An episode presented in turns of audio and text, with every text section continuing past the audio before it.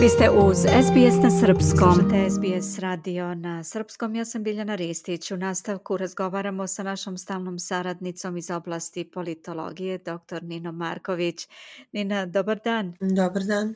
Da možda današnji razgovor započnemo sa najsvežijim vestima da je u Australiju doputovao premijer Solomonovih ostrva usred povećane zabrinutosti zbog odnosa sa Kinom. Da li znamo o čemu će on razgovarati sa premijerom Australije? Ova poseda se nastavlja, znači priča na rešavanju pitanja oko tenzija zbog povećanog utica Kine u pacifičkom regionu. Dva lidera će razgovarati o izborima pored ostalih tema. Plan je bio sa strane Solomonovih ostrva da se odlože izbori do 2024. godine zato što je vlada Solomonovih ostrva izjavila da ne mogu u isto vreme da održavaju međunarodne igre i regionalne uh, igre kao i izbore. Ja, tada je Australija ponudila da finansira izbore, na šta je premijer Solomonovih ostrva Manasane Sogavara izjavio da je ovo nečuveno zato što se smatra da je to strano uplitanje i napad na parlamentarnu demokratiju.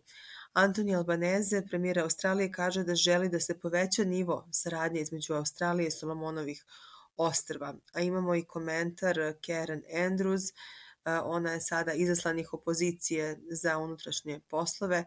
Ona kaže da pozdravlja bolje i jače veze između Honijare i Kambere, ali bez daljeg širenja uticaja Kine. Klimatske promene su takođe jedna od tema koja će biti diskutovane, naravno čito pošto znamo da je 14 zemalja podržalo deklaraciju sa SAD-om o povećanoj pomoći Pacifičkom regionu koja takođe uključuje i odgovor na klimatske promene, a pacifičke zemlje su pod velikom pretnjom upravo od klimatskih promena. Tako da očekujemo da će ovom sastanku sa e, premijerom Solomonovih ostrava presustovati i Penny Wong, ministarka spoljnih poslova i ministar odbrane Richard Miles, tako da će i teme uh, bliže vojne saradnje, posebno u pomorskom domenu, biti na agendi. Mhm. Kada si već pomenula vojnu saradnju i uticaj Kine, takođe možda da uz ovo dodamo da se Tajvan priprema za mogući napad Kine. Ovo je zanimljivo, ali nije ništa da kažemo čudno za Tajvan s obzirom da žive pod pretnjom, da kažemo, invazije pod znacima navoda jako dugo. Njihov zvaničnik Chen Ken-chi je izjavio da oni svakog meseca pregledaju zalihe u slučaju napada sa kontinentalnog e, dela Kine, posebno zalihe krane, kritičnih minerala, hemijskih substanci i e, energenata. Oni kažu da sarađuju sa svojim partnerima poput SAD-a i ostalima da bi svakog meseca imali dovoljno zaliha. Nastavlja se period tenzija povećanih tenzija nakon posete Nancy Pelosi u Tajvanu. Kina je imala žestok odgovor na toliko veliki visoki profil američkog zvaničnika na tlu Tajvana sa velikim vojnim vežbama, uključujući i opremu i municiju. Tajvan se odgovorio na sve to boljom pripremom, ali zanimljivo je što su izjavili da će se još više se truditi da održavaju takozvane trgovinske tajne, pošto je trgovina ipak jedna od eh, glavnih faktora opstanka Tajvana u ovoj čitavoj priči. Da se vratimo u Australiju, gde je velika pažnja posvećena planu federalne vlade da vrati kući žene i decu bivših boraca u Siriji. Politička opozicija je protiv toga jer smatraju da bi neke od ovih osoba mogle biti radikalizovane i opasne po društvo, dok vlada ističe potrebu da se zaštite navina deca i majke i kažu da će oni po povratku biti pod stalnim nadzorom obaveštajnih agencija. A sada imamo i mišljenje psihologa o tome. Reci nam opširnije. Čak 58 osoba se nalazi u Al-Roy kampu po analizi Azija. Neki od njih su australijski državljani, neki od njih tek trebaju da postanu, pošto su deca australijskih državljana. Imamo komentar eh, dečijeg psihologa Klare Rov koja kaže da je vrlo teško integrisati um, ove žene i decu u australijsko društvo.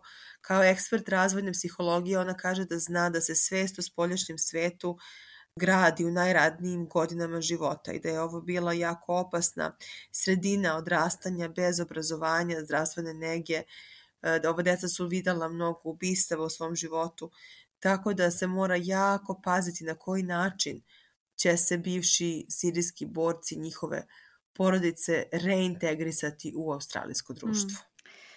Bivša saradnica liberala Britney Higgins svedočila je na sudu u Kamberi o svom navodnom silovanju u parlamentu. Možda da kažemo par detalja i o tome? Ovo je zaista bio još jedan vrlo bitan dan u čitavom ovom procesu.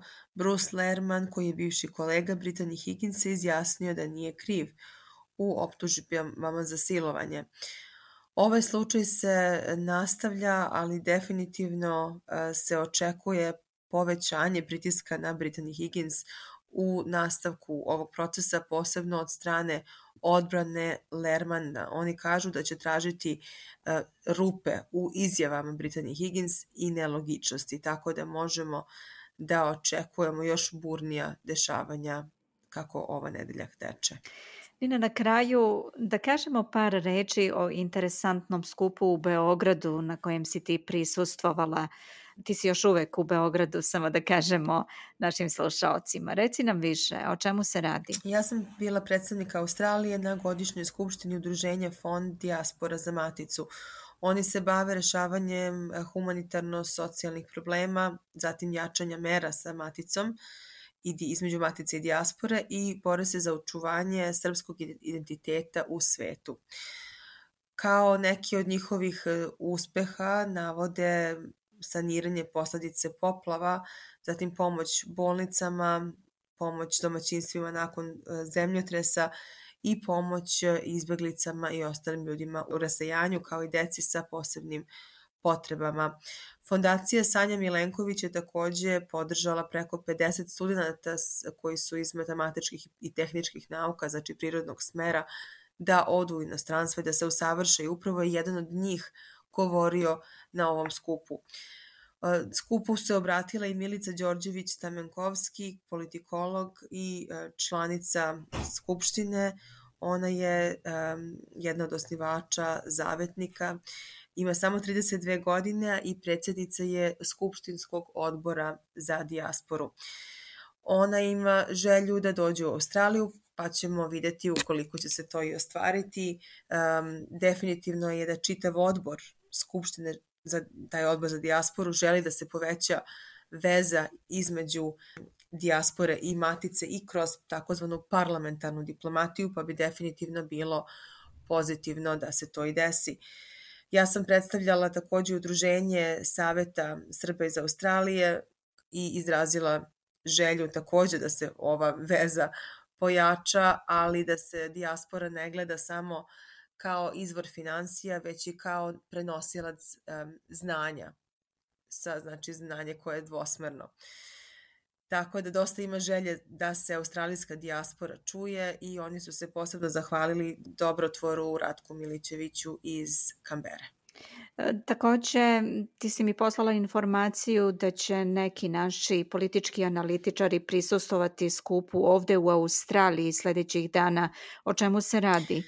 Da, 25. oktobra na Univerzitetu Macquarie održat će se predavanje gostujućih analitičara iz Srbije koji dolaze na kratko istraživanje u Australiju. Miša Đurković koji je jedan od direktora iz Instituta za evropske studije sa svojim kolegom će održati predavanje e, znači 25. oktobra na Univerzitetu Macquarie. E, to je zaista pozitivna, pozitivan znak naučne razmene između australijskih univerziteta i instituta, znači zvaničnih državnih instituta e, iz Republike Srbije, tako da se možemo samo nadati da će se ova veza i produbljivati. Eto, to je znači poseta doktora Miše Đurkovića i doktoranta Jovice Pavlovića iz Instituta za evropske studije iz Beograda Univerzitetu Macquarie u Sidneju. Ja se nadam da ćeš se i ti do tada vratiti u Australiju pa ćemo o tome više pričati u nekom od sljedećih javljanja. Nina, hvala ti mnogo na vremenu koje si izdvojila za ovaj razgovor danas. Hvala prijetno. Bila je to naša stalna saradnica iz oblasti politologije, dr. Nina Marković. Slušate program na srpskom. Ja sam Biljana Ristić. Želite da čujete još priča poput ove? Slušajte nas na Apple Podcast, Google Podcast, Spotify ili odakle god slušate podcast.